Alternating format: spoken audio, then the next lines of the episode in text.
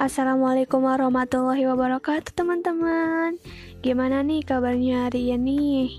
Semoga baik-baik aja ya, amin Nah, di season kali ini aku mau ngebahas tentang bagaimana sih caranya kita untuk merubah diri Kan banyak yang request tuh, gimana sih caranya merubah diri?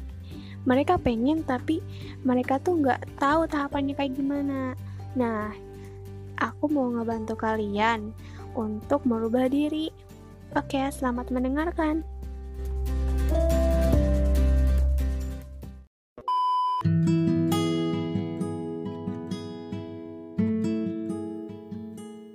Seorang muslim sejati diibaratkan botol yang berisi emas. Sedangkan seorang muslim yang hanya karena identitas semata bagaikan botol yang berisi batu kerikil. Dunia bagaikan penjara bagi muslim sejati dan bagaikan surga bagi muslim identitas dan yang lainnya. Apa yang akan kamu pilih? Muslim sejatikah atau muslim identitaskah? Tiap-tiap dari kita pasti tahu mana hal yang baik dan mana yang buruk. Tapi kenapa masih ada saja hal yang buruk yang kita lakukan? Apakah kamu akan terus seperti ini? Atau merubah diri? Jawabannya ada di diri kamu sendiri.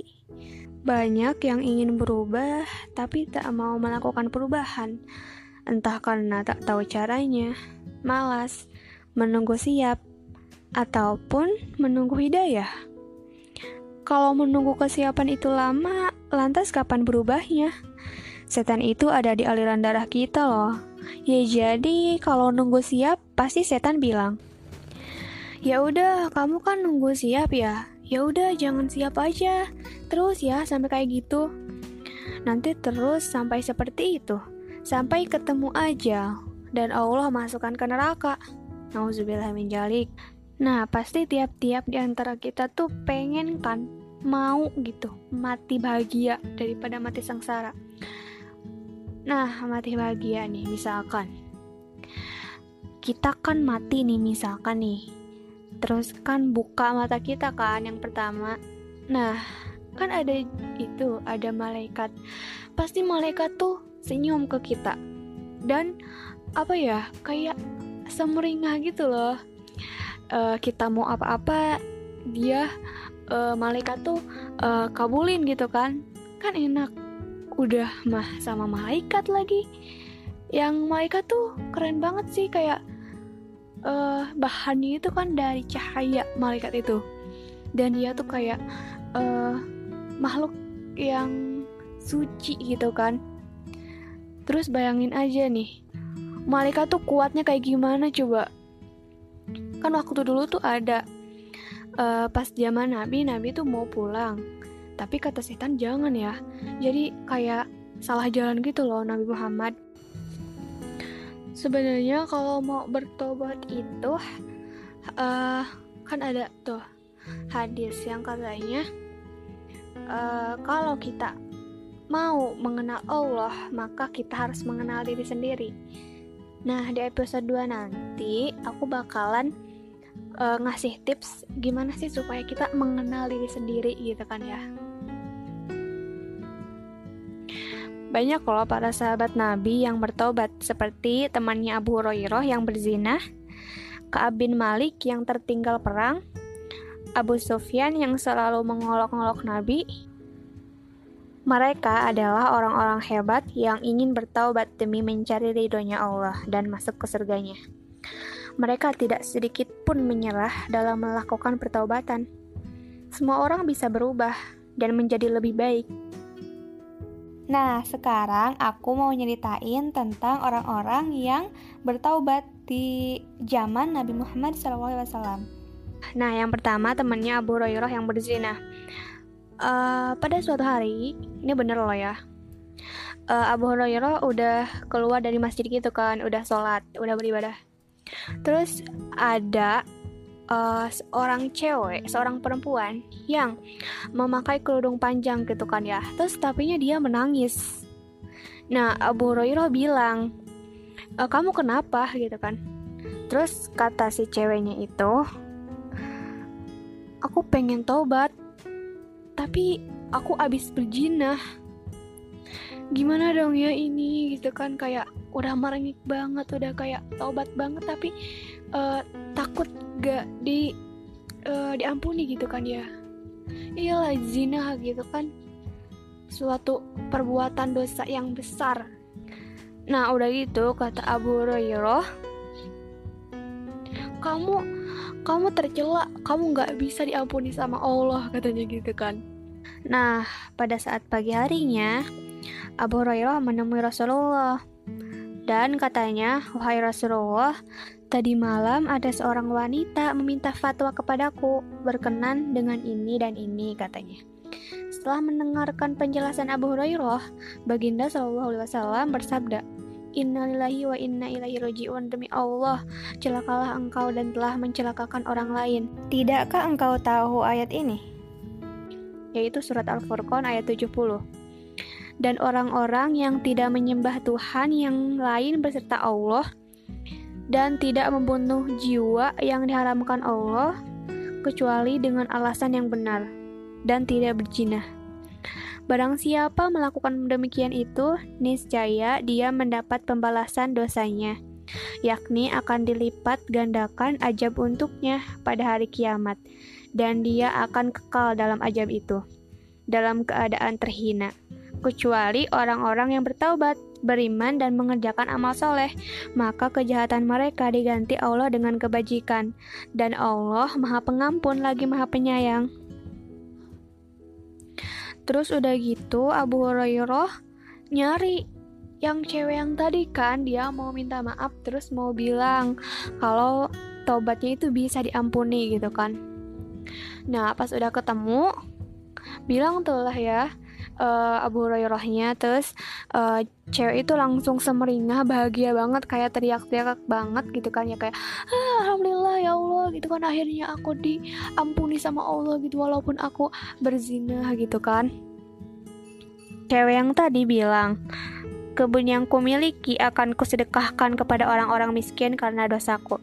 Jadi dia tuh nebus dosanya dengan uh, menyedekahkan kebunnya gitu kan ya. Nah, yang kedua yaitu Ka'ab bin Malik radhiyallahu anhu.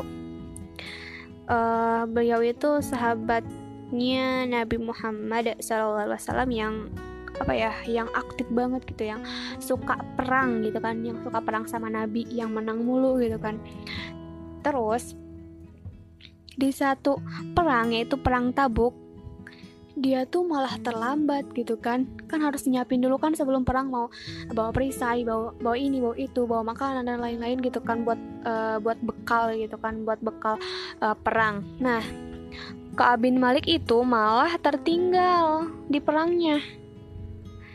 Nah udah gitu dia tuh kayak merasa bersalah banget banget banget banget.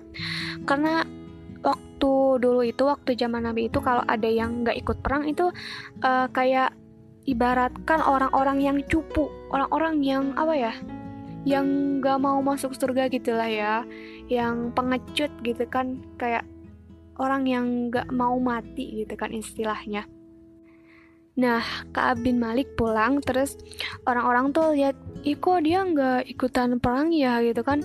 Dia kok nggak ikutan perang gitu? Kan waktu dulu kan waktu sebelum sebelumnya dia dia itu kan ikutan perang mulu. Kok sekarang enggak ya? Ih pengecut banget sih gitu kan. Nah uh, pas uh, di perang Nabi Muhammad SAW itu uh, kayak ingat gitu kan ke mana nih ya ke Abin Malik kok nggak ada sih gitu kan Nah, udah pas selesai perang, Ka'ab bin Malik langsung uh, ke Nabi Muhammad SAW. Nah, dia bilang, dia tuh pertamanya mau ngebohong. Entah alasan apa gitu kan ya. Uh, supaya, apa ya, supaya dia itu di nggak dimarahi sama Nabi gitu kan. Uh, mau alasannya alasan itulah, tapi dia tetap gitu kan mau ya udah aku jujur aja gitu ngomong ke Nabi bahwa aku ter tertinggal gitu kan. Nah bilang tuh dengan sejujur-jujurnya bahwa dia itu tertinggal karena begini begini begini gitu kan. Terus Nabi Muhammad nggak marah nggak marah sama sekali dan dia bilang uh, bagus gitu kan ya kayak bagus ya udah gitu kan. Nggak apa-apa yang penting jujur gitu. Aku suka kamu jujur gitu kan.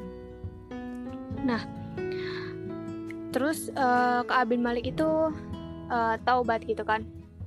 Adalah ya udah itu tuh kayak uh, kayak penubusan gitu kayak misalkan jangan jangan berbicara kepada orang lain selama 40 hari kayak gitu kayak gitulah. Nah di antara ini semua kan kita bisa mengambil gitu kan pelajarannya bahwa uh, semua apa yang kita lakukan itu kita bisa taubat gitu kepada Allah gitu kan Allah tuh maha pengampun jadi jangan takut untuk bertaubat gitu walaupun kita udah banyak berbuat dosa. Nah, segitu aja sih kalau misalkan uh, episode 2 aku ngebahas mau ngebahas tentang uh, pengenalan diri kayak gimana ya supaya mengenal diri untuk bisa bertobat gitu kepada Allah. Yang pertama itu kayak menyadari kesalahan, yang kedua bersungguh-sungguh untuk tidak mengulangi apa pun halangannya, yang ke yang ketiga melakukan perbaikan sedikit-sedikit yang istiqomah. Nah, nanti penjelasannya di uh, episode 2. Nah, menurut aku kalau kalian udah ngedengerin episode ini, kalian harus lihat uh, video kayak podcast gitu sama Nah, podcastnya itu dari Ustadz Felix Yao. Kalian itu harus lihat yang uh, season yang ada tagarnya, tagar mengapa Islam ada tiga episode. Kalian tuh harus dengar, kalian tuh harus lihat supaya uh, kita supaya kita tuh apa ya kayak siap gitu buat taubat dan kayak sadar gitu aku tuh harus taubat gitu kan nanti deh kalau misalkan uh, di YouTube aku uh, kasih linknya di description box, oke? Okay?